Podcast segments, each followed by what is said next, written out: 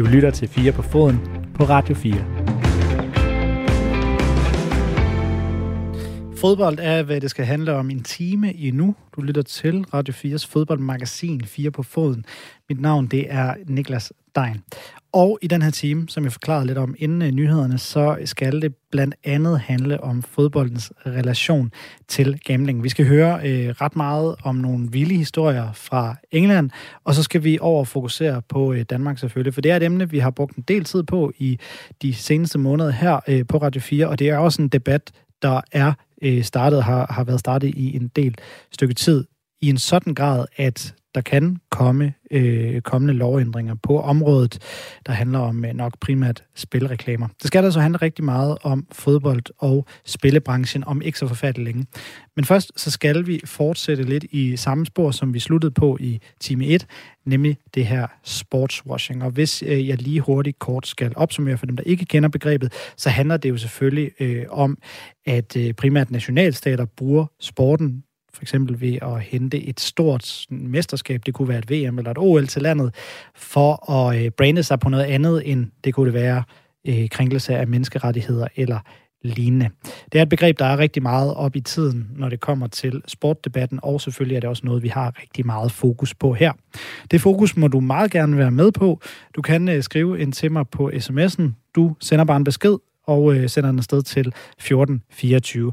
Du må meget gerne lige skrive dit fornavn og øh, hvor du kommer fra, så øh, bliver det hele sådan lidt mere hyggeligt. Men øh, du sender altså bare en besked til 1424, og det kommer til at handle om primært sportswashing og fodboldens relation til øh, gambling og spillebranchen i den her time.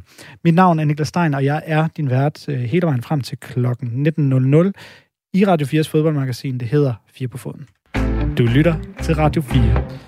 Nu skal vi så øh, videre på øh, tangenten, der hedder sportswashing.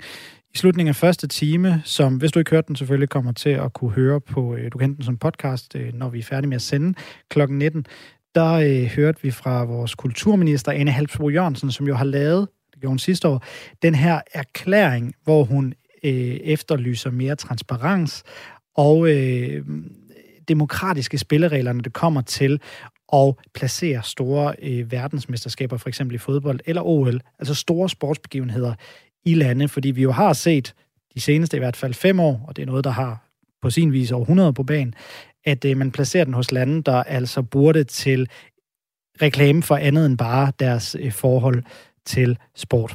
Kulturministeren lavede en erklæring, hvor hun kaldte på øh, en ændring på en eller anden måde, eller en strukturændring omkring det her. Den er der 23 ud af 27 EU-lande, der skrev under på på et øh, EU-rådsmøde, og øh, den opdaterede hun altså på i øh, første time. Og det er den øh, det er det emne, vi skal fortsætte på nu. Nu skal vi høre fra øh, Jesper Møller. Han var med på øh, den her Play the Game-konference, som jeg omtalte i øh, første time, altså en konference fra det danske tiltag øh, Play the Game, som øh, hvert år holder en, øh, en konference om øh, primært sport og politik, eller i hvert fald alt det, der omgiver og omgærder sporten. Jesper Møller han var med i en debat om øh, VM i Katar og placeringen af de her mega-events, som de også kaldte, øh, kaldes.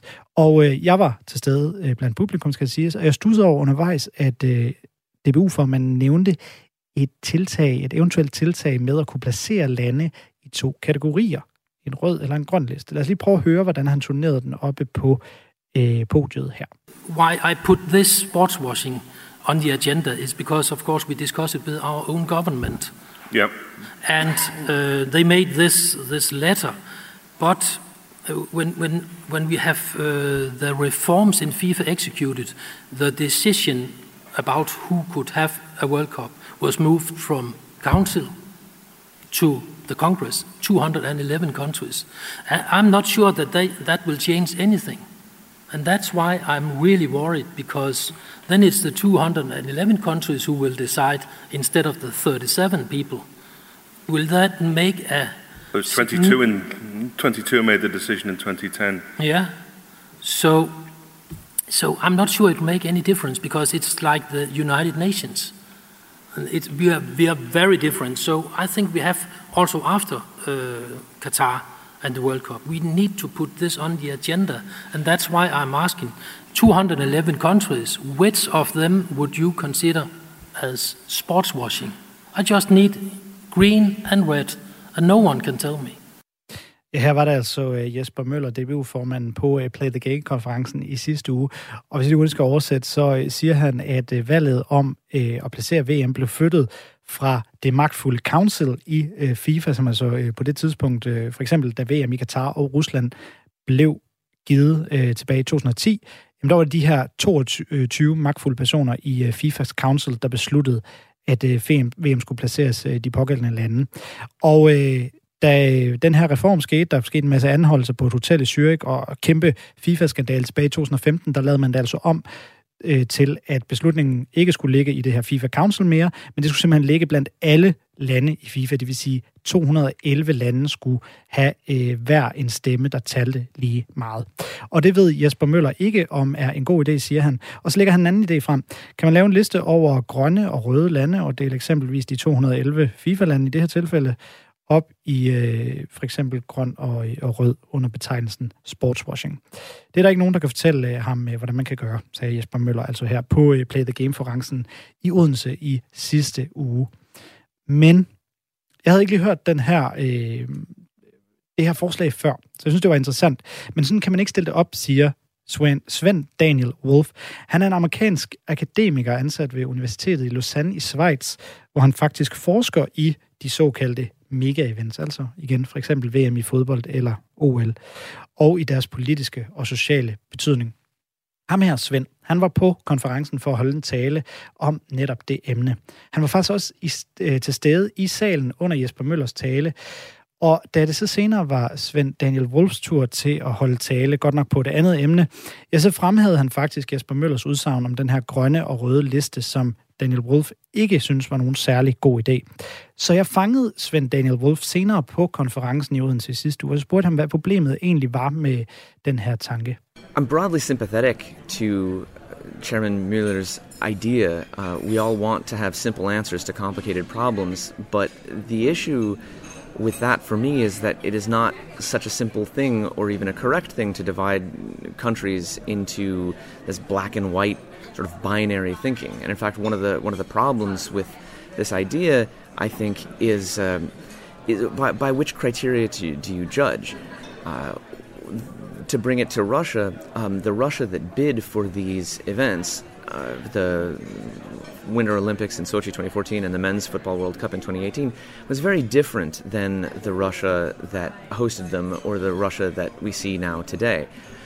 And there were indications, of course, that, uh, that Russia was struggling with an authoritarian track at the time, but there's no actual reason why it had to go down this state policy of authoritarian to totalitarian practices, which is what uh, we're suffering from today, especially in the in the for, in the for, uh, in the forefront, um, Ukraine, of course. But it's impossible to. It's I think it's dangerous to prejudge Russia in 2007 or even 2010 and to say, well, there are some authoritarian leanings in this country. Um, there is, and I, am not trying to engage in political whataboutism, but if you look at the United States, how is the United States' actions um, in terms of its own imperial problems and its own authoritarian practices towards its own citizens and to other nations. So, should we ban the United States from mega events as well? Well, probably, right? But there, there are other aspects at play that I think are important to, to, um, to highlight, and that's the local level, the individual level, where ordinary people can, can connect. So there, it matters when ordinary people share moments of sport or partying together or meeting up for friendship or rom- romance or whatever. That kind of international sharing is dramatically important. And when we when we when we sanction an entire country and put it on a, on a, on a blacklist, we lose the opportunity for those connections.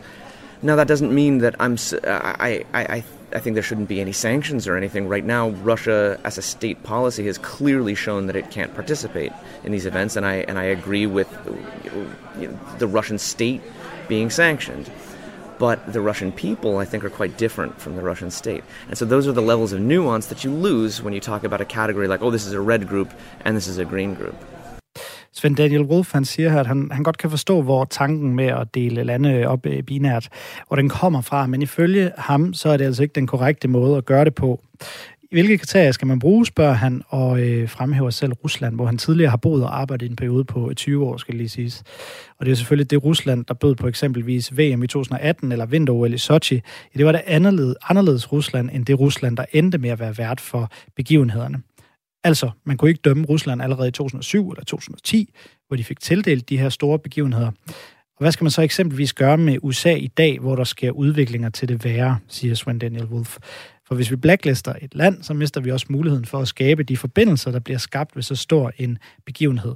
Det russiske folk og den russiske stat er eksempelvis to forskellige ting, mener han. Den slags nuancer mister du, hvis du deler øh, op i to grupper, siger altså Svend Daniel Wolf. Men spørger jeg så her efterfølgende øh, Svend Daniel Wolf, akademikeren fra Lausanne i Schweiz. Når jeg stiller den her slags spørgsmål til, til fodboldledere eller fans eller lignende, så møder jeg tit spørgsmålet, hvor går grænsen, hvis vi altså skal snakke om, hvorvidt et land må være vært for en stor sportsbegivenhed?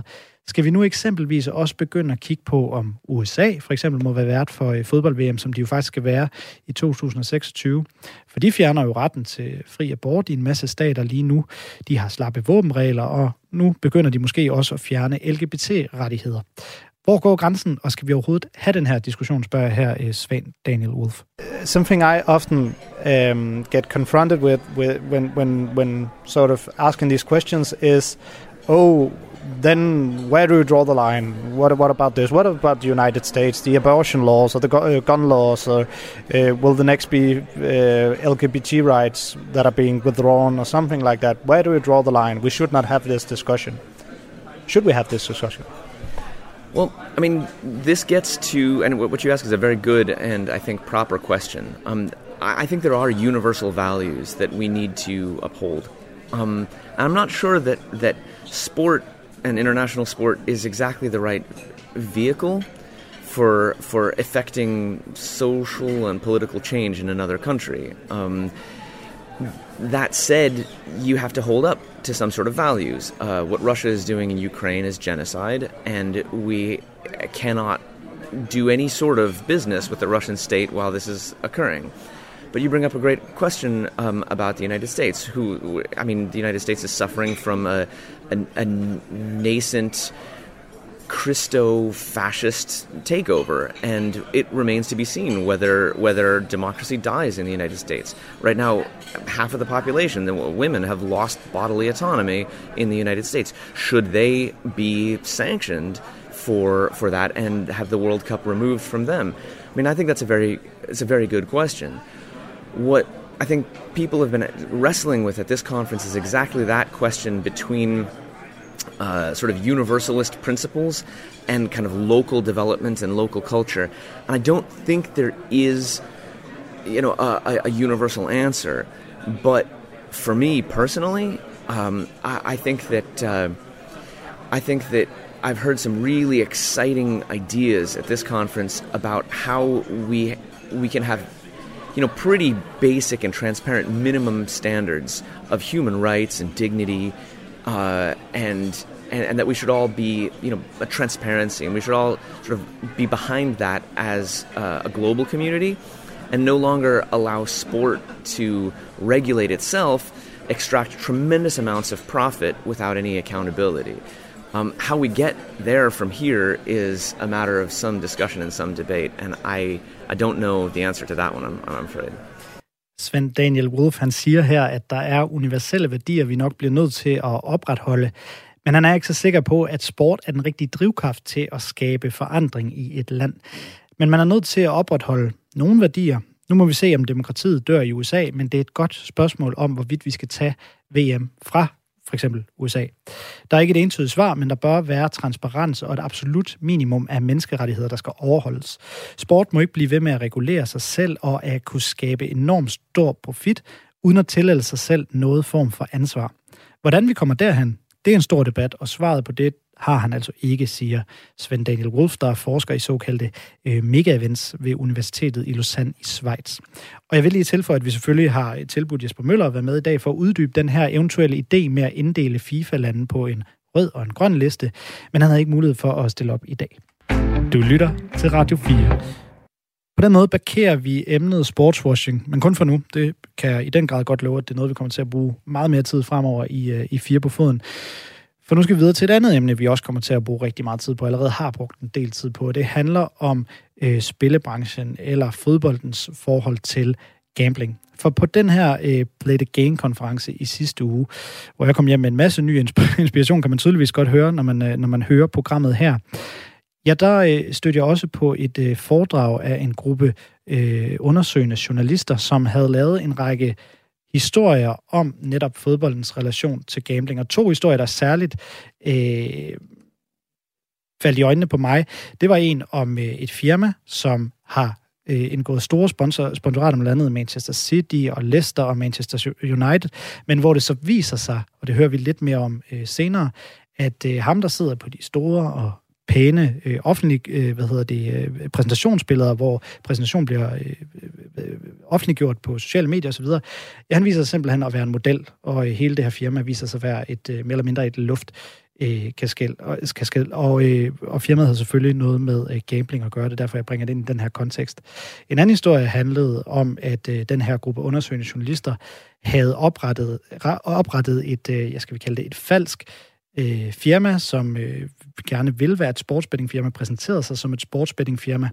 Og det gjorde de for at se, om de kunne købe data fra de sportsfirmaer, som er ude og samle data rundt omkring ved, ved fodboldkampe, helt ned til græsrådsniveau, se om de kunne øh, købe data af dem, uden at blive undersøgt til bunds. De havde så simpelthen bare lavet en hjemmeside og plastret øh, nogle forskellige øh, ja, godkendelser øh, på hjemmesiden, som ikke rigtig gav mening. For eksempel havde de logoet for Spilmyndigheden i Filippinerne, men selve teksten øh, med reglerne, de kom fra øh, den lille østat Curaçao, og så øh, det her, øh, øh, de her advarsler om, at man skulle huske at gamble forsvarligt, jamen de kom fra Englands regulering.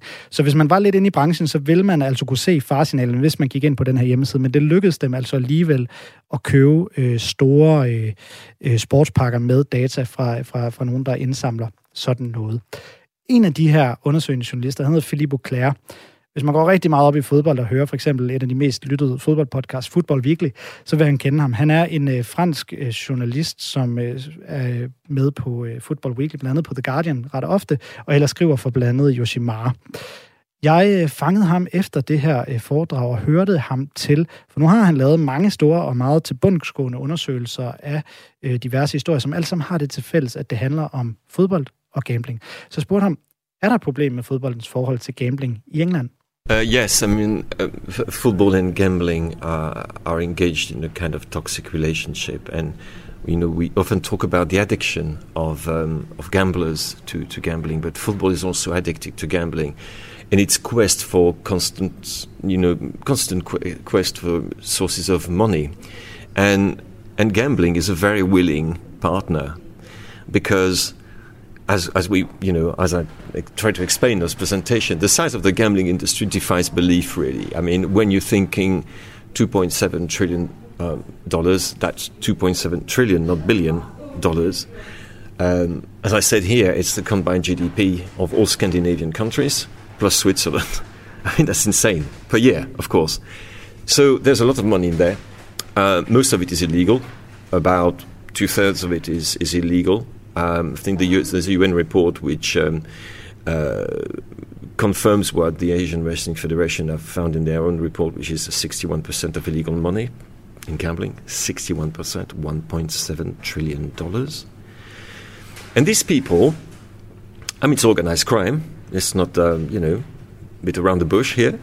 Uh, not every gambling company, you know, as you say, some of them are regulated. Some are better than others. Some, to be honest, there are some regulated companies which I think should be looked at much more closely. Maybe we're going to work on those guys to, to carry on.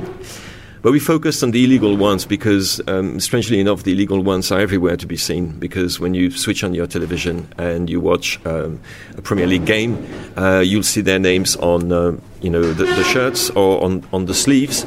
Or you will see also, which is a very interesting one, the um, uh, the uh, LED uh, boards, advertising boards, suddenly passing messages in Vietnamese, Thai, Mandarin. Yeah. You think, mm, what's that for? Well, it's obviously it's for Chinese, Thai, and um, and Vietnamese uh, customers um, who are going to bet uh, obviously illegally because betting is illegal in Asia, is punishable by law, actually quite, quite strong san- sentences. But so th- these guys need to have to advertise their ware. So let's go. Who would, who would be able to do that well for us? Oh, I know. The Premier League. You know, people watch it all over the world. And so you're subjected to this constant barrage of advertising uh, when you watch those games. And I, I, concentrate on the Premier League because obviously that's the champion. You know, that's the league I follow the most closely. It's, it's also the one which is the most imbe- embedded with uh, with gambling. Uh, but I could say the same thing as well. Uh, Germany um, has got um, Bayern Munich, um, um, Borussia Dortmund. I've got betting partners. Some Italian clubs a bit more complicated because the licensing uh, laws in in Italy are stricter, and the ones in France uh, are even more strict. Uh, which means that you will never see the, the names on of these companies non-licensed companies on shirts, but they will still be partners. You won't be aware of it. It's like La Liga. La Liga has banned all advertising for gambling. On the day after the Liga announced that there would be no betting advertising in, uh, in, in its league, a company called BK8 signed a deal with five Liga clubs, including, you know, Athletic was there, Valencia, you know, not talking small clubs. Because what they do, they've got the technology. So they have virtual advertising boards which they add to the images in the right markets. Extraordinary. So in a way, I always I take often this example. You know, it's it's like this uh, funfair game where you've got a hammer and you've got to whack the mole. But every time you whack the mole, there's another head popping up, and and this, uh, that's the way. You know, you try to chase those guys. Oh, there's a, here's oh here's another one. Oh, bang! Oh, here's another one. Here's another two, another three. So yes, there is a huge problem, systemic problem with gambling. The need for money from from from football is huge. They want money to burn in the furnace of football. They want to make money, but they also have to compete, best wages, um, pay more in transfer fees, all, all the rest of it. And so they go to the people who've got the money. And after a pandemic, who's got the money? Well, the betting companies still have the money. Elsewhere, it's a bit more complicated, but, you know, they're there. Recession for them doesn't exist.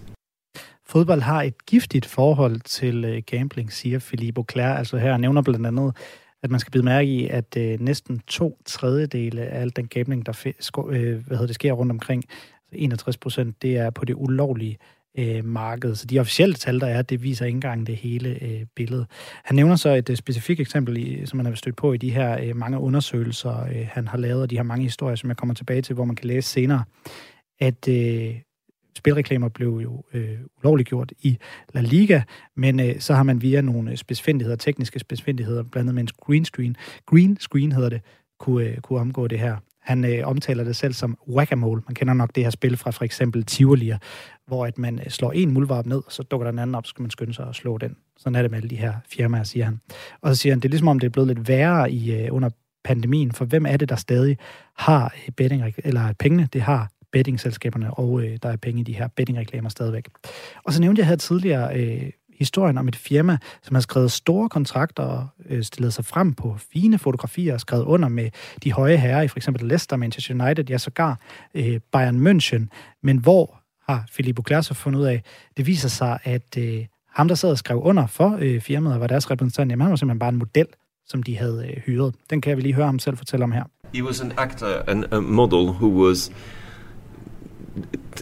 recruited by Yabo, whoever they are, because nobody really knows. I've got a little idea, but um, but nobody knows who they are. To be the face, uh, you know, kind of classy Englishman, you know, this kind of thing, probably very well spoken.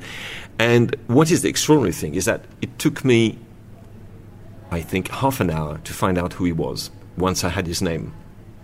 And I looked at it and I thought, okay, I'm going to Google that. It's a pretty unusual name and um, and in the use of facial recognition thing, you know, like it's very easy to do reverse search, compare the pictures. No, it's the same man, and took me exaggerate, but it, maybe half, uh, maybe an hour to do that. None of these clubs had done it or had wanted to do it, and that tells you that the pressure from the commercial departments of those clubs uh, is such to accept any kind of deal that there is no due diligence and which has been confirmed by some sources inside a number of, well, number, a few Premier League clubs. There is no real proper due diligence. And therefore, they signed a contract with a guy who was posing as the chief executive officer and who was a male model. Her fortæller øh, Filippo altså om, hvordan han fandt frem til, at øh, ham, som egentlig stod som direktør for et øh, firma, der altså havde skrevet kontrakt med nogle af verdens største fodboldklubber, er, hvordan han fandt ud af, at han bare var en model, som firmaet hyre som ja, stråmand kan man vel lige sige, at øh, det er. tog ham kun en øh, halv time, og det viser altså, øh, siger han, Philippe Auclair, for han retter ikke kun skytset mod øh, de her øh, øh, bettingselskaber eller dataselskaber, som der popper mange op af. Han, han retter også skytset mod klubberne, for han siger, at der ikke er nogen klubber, der har gjort noget eller vil gøre det i de her tilfælde, fordi der ikke bliver lavet nogen due diligence, som man siger. Et begreb, der kommer til at gå rigtig meget igen i vores øh, snak her. Jeg tror ikke rigtigt, vi har et dansk begreb for det, men altså det her med at gøre sit, sit forarbejde, inden man skriver for eksempel sponsorkontakt med et firma, lige undersøge, hvem ejer det her firma, hvad er der bag det, er, er alt som det skal være. Og øh, Philippe Auclair, han, han analyserer sig frem til, at det kunne handle om et vist pres for for eksempel klubbernes reklameafdeling om at få de her øh, sponsorater hjem. Det går altså igen, at Philippe Auclair, han øh, har lavet en masse øh, store afsløringer, hvor øh, den røde tråd i det er, at øh, der altså foregår noget i, øh, i England i forhold til fodbold og, og gambling, hvor alt ikke altid er, som det skal være. Så jeg sidder og øh, kommer til at tænke på, hvorfor bliver der ikke gjort noget? Det spurgte jeg selvfølgelig også øh, Philippe Auclair. Lad os lige høre, hvad han sagde her. Oh, the Premier League. The Premier League will not get involved in that because the Premier League will also say, will always say, well, it's down to our members. So individual, you know, that's not up to the league themselves, which is of course is complete rubbish because they could, if they wanted to, and we'll see what they're going to do in view of the government's UK government's announcement that they were looking looking for a, a kind of voluntary decision by the Premier League regarding uh, advertising uh, for betting. Okay, we'll see to that. Um, and anyway, it's too late for many contracts because they've already been signed. They've waited so long to publish the white paper. Actually, they haven't published it yet. We know what's in it, more or less. That the new contracts for the next few seasons have already been signed, and they're not going to cancel them because they're not going to do it. Uh, and um, so, the, all the, the tools are there. Some clubs are better than others, by the way. I know of one club um, which is actually very good at doing this due diligence. I know one of the guys who responsible of integrity there, and I know they've turned down offers from, from these sponsors. They've turned down big money because they thought, no, we're not going to deal with those guys. Um, but the problem is that it's it's the the monkey, you know. Can't see, can't talk, can't hear. You know, I'm not interested. The Premier League is not interested. The clubs are not interested in due diligence. But you would think, well, maybe the authorities could step in but the UK Gambling Commission is an absolute joke. It's an absolute joke. It has issued in total 3,017 gambling licenses. What? Excuse me? That's 200 times the number of licenses given by the French authority, the equivalent 50, authority. 50, yeah, yeah, 50, yeah. And um, so that's absolutely that's absolutely insane. And the they've got the statutory authority to do that. They could go to these people and say, hmm, hello, we want, we want to know who the owners are. Nobody knows. Uh, we want to know if they've got criminal records. We want to know while the, well, the ultimate ownership would be the most important thing. But no, they leave that responsibility to UK agents who've already got a license and in a way kind of, um, uh, you know, give it by proxy, obtain a UK license for an operator who should never be allowed to operate and they're not doing their job. Now, again, there's talk of the UK Gambling uh, Commission being given new powers um, by the government. Whether they will go as far as that, I'm not absolutely sure. The law needs to be rewritten. Um, but they've got it in their power that they choose not to do anything. The Premier League could do something, the clubs could do something, the UK Gambling Commission could do something. Nobody's doing it. Why? It's money. It's money coming in. They want it. Philippe Auclair, han siger her, at Premier League de ikke involverer sig, fordi det er op til medlemmerne selv, altså i det her tilfælde øh, fodboldklubberne i Premier League. Øh, det er noget vrøvl. Der er ikke noget, der tyder på, at øh, Premier League har nogen som helst interesse i at nægte klubberne de her reklamepenge, siger han. Han nævner, at der var en lov på vej i England om forbud mod reklamer på spil, tror jeg. Det var faktisk noget, der blev snakket rigtig meget om. Man troede, det ville ske på samme måde, som man i en vis grad har set i blandt andet Spanien og i Italien øh, altså en lov mod øh, reklamer på spilletrøjer eller lignende, men det er så i stedet for blevet syltet og blevet lavet være op til øh, Premier League øh, selv. Altså regeringen i England sagde, vi kommer ikke til at lave den her regel, men, men, men det er der Premier League, som, øh, som, som skal finde ud af det. Det øh, engelske gamblingregulativ, det er en joke, siger Philippe Auclair. Der er blevet udstedet, eller der er udstedet 3.017 øh, spillelicenser i øh, Storbritannien. I Frankrig, hvor Philippe Auclair oprindeligt selv kommer fra, han bor i England, nu skal det siges, ja, der er der 15, altså 15 i Frankrig og 3.000 i England. Og så kan jeg øvrigt lige tilføje, at der her i Danmark er cirka 40 øh, spilletilladelser, der er udleveret eller udstedet af Spillemyndigheden, som er dem, der står for det herhjemme. Der er mange, der vil kunne gøre noget, siger Philippe Auclair, men der er ingen, der gør noget. Ikke Spillemyndigheden i England, ikke regeringen, og altså ikke Premier League eller klubberne. Og hvorfor, spørger han så, måske lidt retorisk, forsvaret af, at de vil have pengene, mener øh, Philippe Auclair altså øh, selv. Han har altså lavet en masse historier, øh, som ja, man kan vende hvide øjne, når man, når man ser, hvordan, øh, hvordan det her øh, bliver opereret. I hvert fald, hvordan Philip Auclair synes, at det hele bliver opereret. Og der bliver brugt rigtig mange penge på gambling øh, rundt omkring. Og især i Asien, nu fokuserer vi bare på Europa og England, men især i Asien er tallene jo astronomiske. Og så er der det illegale marked oveni, som jeg var inde på tidligere. Men man øh, vurderer, at øh, næsten 2,3 procent af de penge, der bliver gamblet for, jamen, det er på det illegale marked. Dem har man selvfølgelig ikke officielle tal for. Det er nogle vilde tal, alt det her. Mange jeg smider om, men det taler jo et billede af, at der i hvert fald ifølge nogen, er, er et eller andet galt. Så jeg spørger Auclair, hvornår vi har nået toppen af bjerget, hvis vi da kan nå et. I think that there are things which can be done. Um, to, I mean, for, at the moment, by the way, there's a crackdown on, on illegal betting in China. Um, it's not very easy because if those companies are based offshore, uh, you know, it's difficult to catch them in the Philippines. Or, um, I mean, there are things. I mean, Curacao is a rogue state. It's a rogue state, and it's part of the Kingdom of the Netherlands. You know, still, um, and the Dutch authorities. I mean, of course, it's autonomous and blah blah. I'm pretty sure that the Dutch authorities, if they really wanted to, they could actually stop it and say, "That guys, over."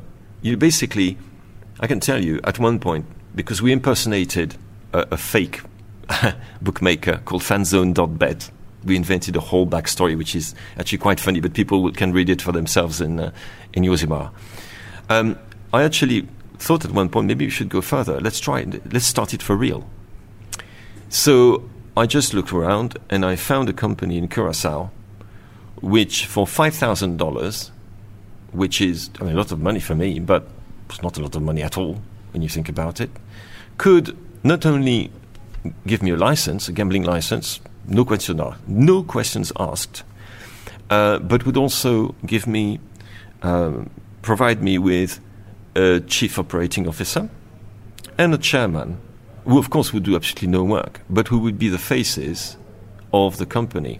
Not only would they do that, they would open a bank account in the British Virgin Islands for us for $5,000. That's how easy it is. So do you wonder that how that criminals would actually should do that? Because the other side of criminality is not just sponging the, the punters; it's also money laundering and, and tax evasion and uh, capital flight. So if you bet the money that you've acquired illegally, well, it's washed by the wins. You're going to lose like 20%, whatever. That's all right. That's like a kind of form of tax, but the money becomes legit. So, you know, that's. Uh, there, there, there, are things we could do. As I said, you know, Curacao should be, uh, I don't know, maybe Curacao should be kicked out of any uh, organization that they are, until they reform that. Um, there are some efforts at licensing, at strengthening the license system in the Philippines. We'll see where it goes. Um, mm. um, there are ways by which you can actually prevent those illegal bookmakers um, from at least offering odds on games they shouldn't be offering, like games involving minors, you know, uh, which is by by delaying the action uh, so that the data are not fed to them live because they they do need live data. Otherwise, you know, th- that's it. Nobody they, they won't bet because if you know the result and before they do, well, okay, so it's impossible. So that's and and then there's law enforcement, obviously. Um, which is not that easy either because we're talking about um, global syndicates uh, with multiple, you know, branches here, there, and everywhere.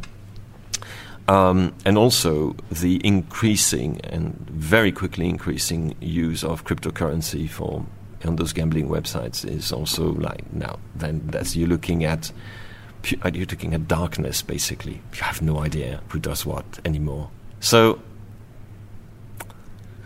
wow. And also who would do that you, you know because if you do it like at national level so it, I, if the British did what they should be doing, that would already be something because it would at least kill off the UK licensing market for, for these people. That that would be already something which enables them to, to advertise. So they would be cut from the prime source of advertising. That would have an impact, without a doubt. So little things like that can, can help.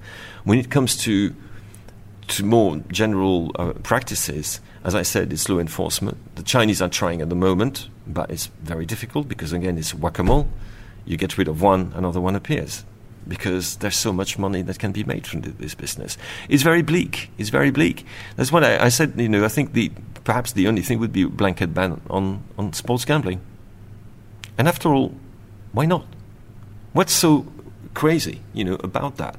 This industry is way, I don't know, a few billion quid, you know, uh, in the UK. Oh, it would be terrible for the British economy. Well, not particularly that money that these people at the moment are feeding yourself with will go somewhere else. And maybe you have to rethink your, your business model. Maybe there are really ethical ways of, of betting, possibly. You know, I've placed bets before myself, I don't, but I'm not addicted to it, so I don't have this problem. But I know people who've lost loved ones because of that. So, wherever you look, at the ethical, the moral, the uh, the economic um, dimension, the uh, uh, the, the, complete lack of, of due diligence, the complete lack of oversight of this industry uh, in, in some ways, you think, well, that's not such a stupid idea. We don't need to, we don't need gambling. Jeg beklager, hvis der er nogen, der synes, det er lidt meget engelsk, men jeg synes, jeg synes det er vigtigt lige at få nuancerne med i uh, det her, så jeg skal selvfølgelig nok uh, oversætte her i, uh, i dybden. For Philippe Auclair, han siger her, at der er nogle ting, der trods alt kan gøres.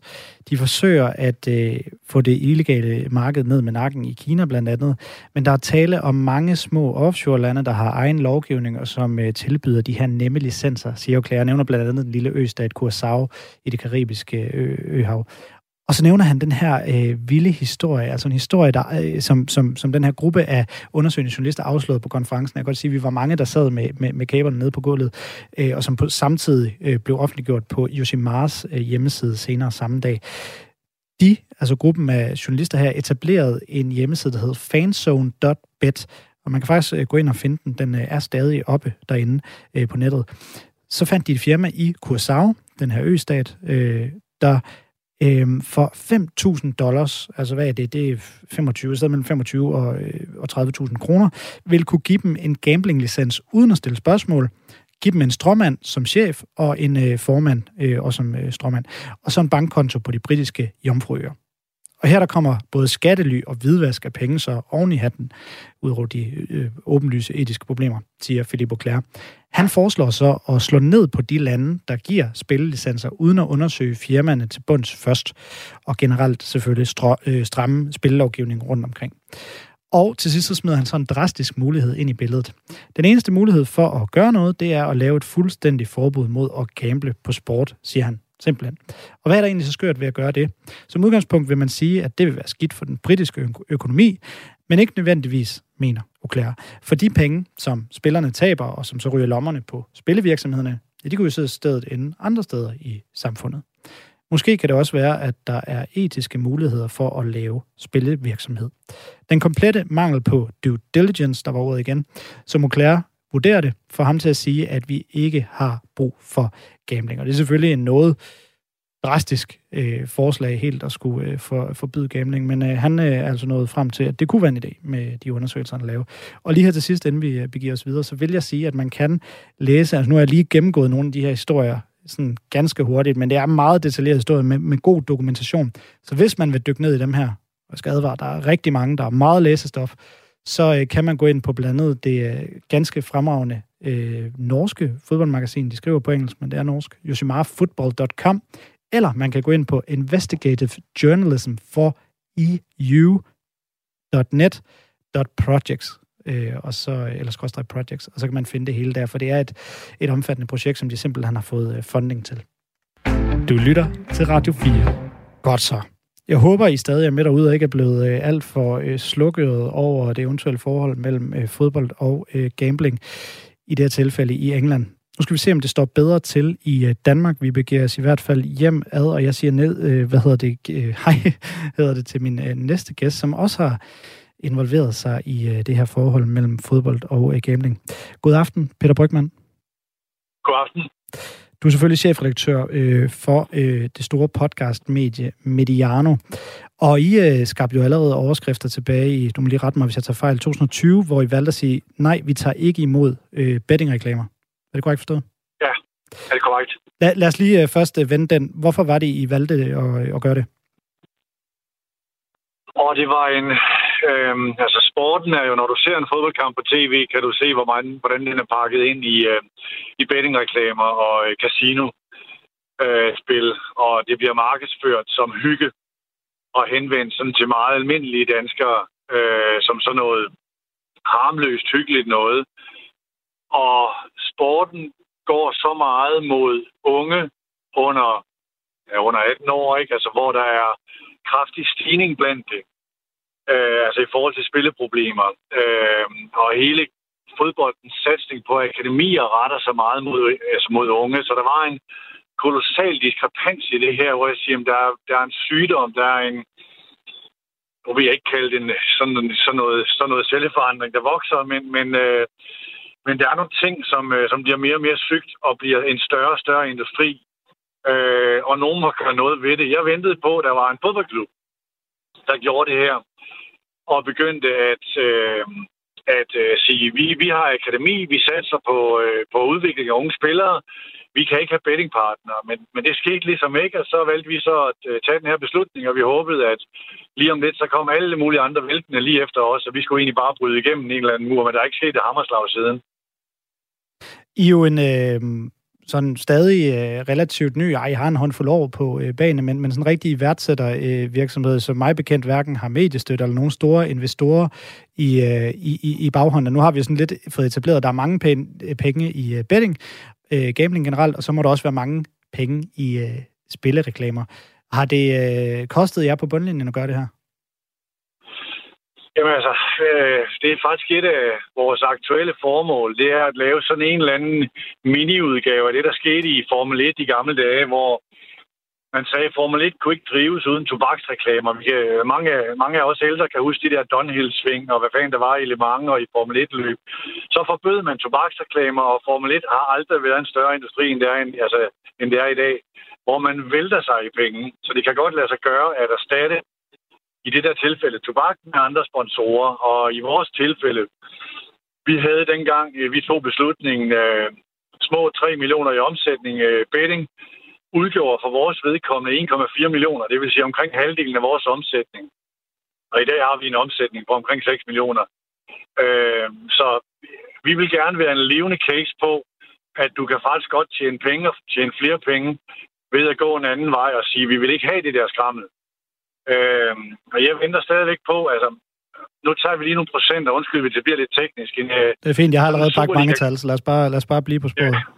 Bare fyr den af. Lad os sige, sådan en, en, en nogenlunde almindelig Superliga-klub har måske en omsætning på, lad os sige, en altså sponsoromsætning på en 20-30 millioner kroner, ikke?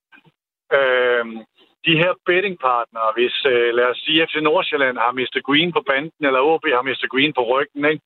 så i Nordsjælland er det klart under en million. Og i OB er det formentlig i hvert fald ikke over 2 millioner. Øh, så procentuelt er det jo peanuts i forhold til, hvad det var for Mediano dengang. Så hvorfor går FC Nordsjælland ikke ind med så meget satsning på ungdom og akademi og tager det her skridt? Øh, jeg forstår det simpelthen ikke, øh, hvorfor, det, hvorfor det ikke sker. Fordi der er jo en kæmpe diskrepans med, at man vil gerne have børn til at købe ens trøjer, som så bliver levende objekter, der går rundt og reklamerer for betting, hvis der, hvis der står Mr. Green på ryggen.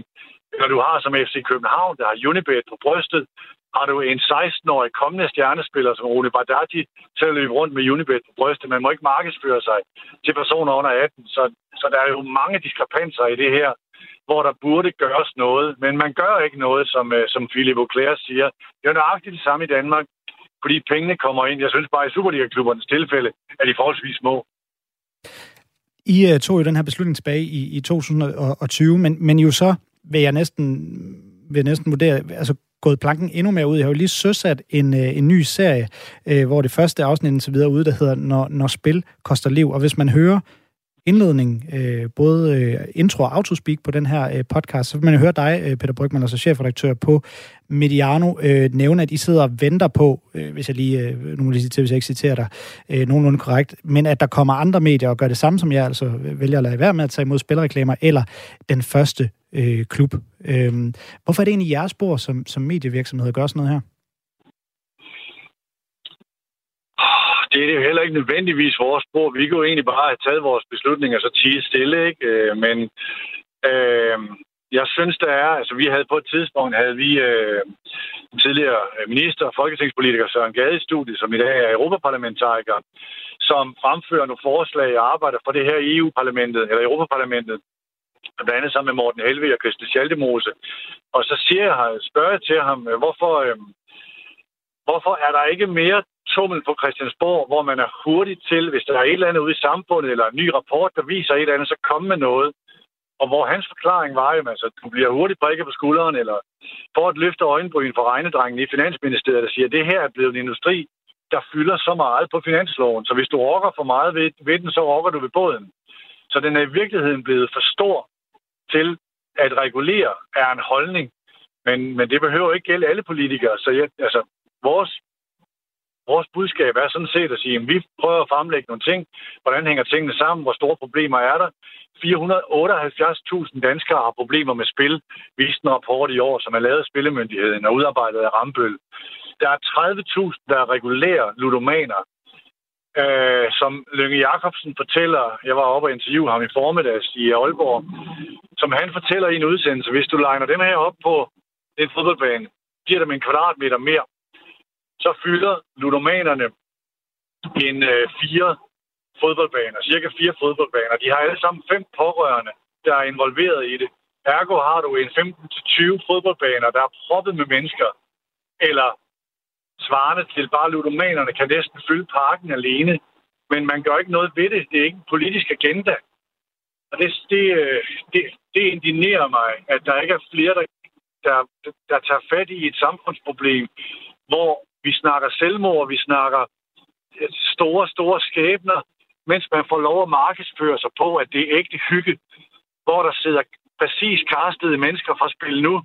I øvrigt, Spil Nu, lad mig lige sige, en af stifterne sidder i OB's bestyrelse. For lige at tage et kuriosum af det her, ikke?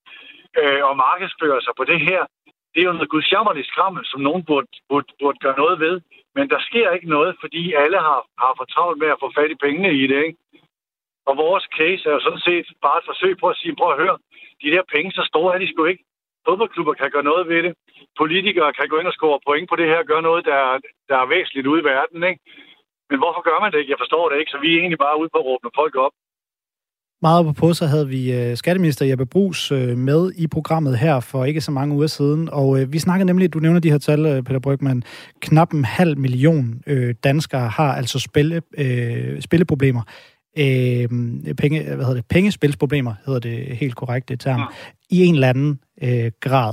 Og øh, det er altså også noget, der har fået øh, politikerne ud af, af busken, for det er en fordobling på, øh, på blot fem år. Og jeg spurgte øh, Jeppe Brugs for ikke så mange uger siden, om, om de her tal ikke øh, kalder på handling. Jeg skal lige hurtigt kort høre, hvad han sagde. Ja, det gør det. Altså, vi har et reguleret spilmarked. Det vil sige, at vi har et spilmarked, som vi vil forsøge med lovgivning at, at have kontrol over. Øh, vi kan ikke også en erkendelse af, at vi kan ikke fjerne, at folk øh, spiller, øh, men øh, vi skal så sørge for at skabe nogle rammer om det, som, hvor det kan foregå på en ansvarlig måde.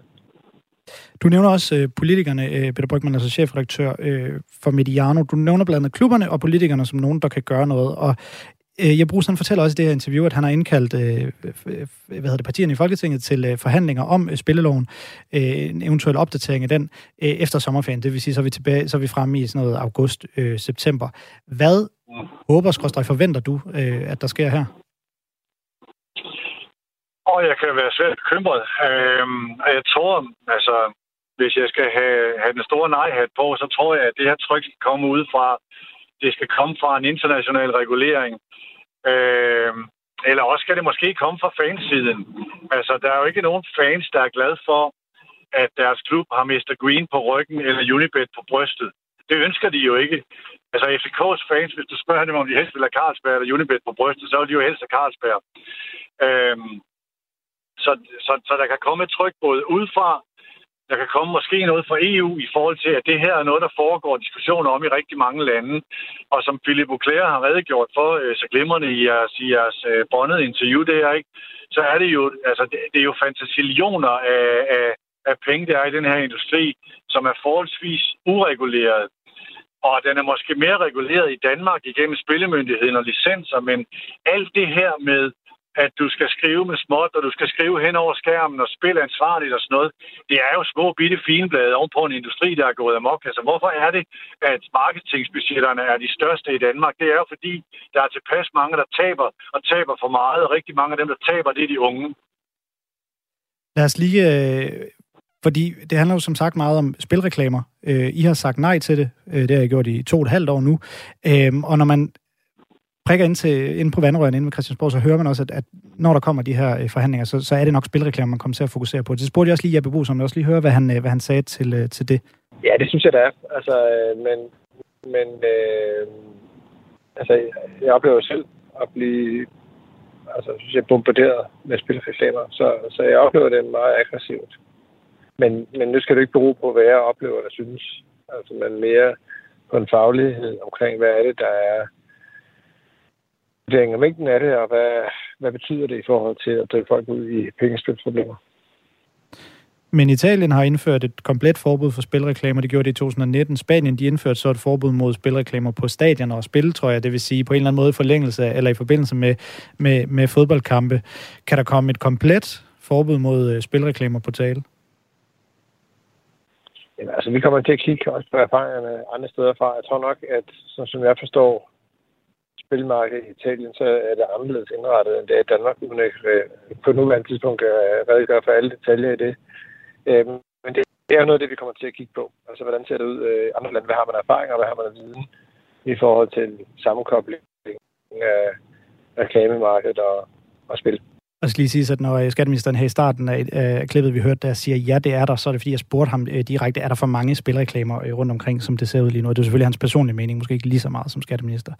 Øhm, men øh, Peter Brygman, du selv øh, refererede til det her interview, vi hørte øh, før øh, du kom på med Philippe Auclair, hvor Philippe Auclair jo blandt andet siger, at der er et giftigt forhold mellem fodbold og spillebranchen. Det er primært i England. Synes du også, der er det i Danmark? Øh, ja, det synes jeg, der er. Altså, øh, det er jo et, det er jo, hvad skal man sige, altså der er casinospil, det er den ene del af det, ikke? Så er der, så er der sportsbetting, Altså sportsbetting er jo, er, jo, er jo gennemsyret af, at du kan markedsføre dig ved livespil. Så det er livebetting, der er interessant. Det er det, der foregår under fodboldkampe. Og det er jo det, der påvirker øh, mennesker. Dem, der forsøger at komme ud af det, dem, der forsøger at kontrollere deres spil, de bliver, siger alt øh, forskning, de bliver meget, meget påvirket af markedsføring. Så det er markedsføring, der er problemet. Og det politiske miljø, det er fint nok, Jeppe Brug siger sådan der, men altså Christiansborg har været decideret boglarm i det her, ikke? Øh, og, og ved bliver desværre nok med at være det. Og, de, og jeg er tæt på at sige, at nu Jyllandsposten har lavet en fremragende artikelserie, er i gang med det. Og øh, de har fortalt om cases omkring selvmord og stigning i selvmord. Og vi er nok derhen, hvor der ligesom med gammeldags trafikkryds, altså hvor der var, altså der skulle nærmest lige på bordet, før der blev gjort noget ved det. Det er nok også der, vi er ved, ved, ved de skæbner, der er involveret i det her. Øh, at, øh, at vi skal derhen, øh, at medier skal begynde at beskrive de her cases. Og her har vi så et andet problem. Fordi medier beskriver ikke det her ret meget. Øh, medier har også interesse i det her, ikke? Øh, det, er, det er jo kendetegnende. Når nogen råber op omkring det her, øh, så bliver det taget op af jer, det bliver taget op af mm. P1, det bliver måske taget op af politikken, der er jo på lederplads har sagt forbyd spilreklamer, men ikke selv har noget forbud mod det. Der er mm. også en del hyggeleri i det. Øhm, så, så altså, medierne spiller også en rolle her. Så det, det, er, det er fodboldklubberne, det er miljøet, og her tænker jeg måske også divisionsforeningen kunne gå ind og koordinere noget, så man kommer foran bolden i stedet for at være bag ved bolden. Altså gøre nogle ting her med at sige, skal vi, skal vi gøre noget her fra klubsiden? Øhm, og så er der øh, politikerne, og så er der medierne. Og jeg synes, medierne bliver ofte overset her med, det er saftsus, man ikke meget omtalt, er det her i medierne. Men vi skal nok sørge for at øh, sammen med jer tydeligvis øh, gøre, øh, hvad vi kan i overtager lige talestebetten der, for jeg skal lige nu at sige, at øh, man selvfølgelig kan høre serien, der hedder øh, Når spil koster liv, på Mediano, der kan findes øh, på diverse øh, podcast Så Det lyder som om, I havde et spændende interview med Lønge Jacobsen øh, klar inden længe. Tak for jeres tid her til aften, Peter Brygman. Hej, velkommen altså chefredaktør på øh, podcastmediet, øh, der primært handler om fodbold, altså mediano.nu, øh, og så skal man nemlig også gå ind og læse Jyllandsposten. Altså det er aldeles glimrende artikelserie. Det var alt fra Fire på Foden her til aften. Jeg har været din vært, Niklas Stein.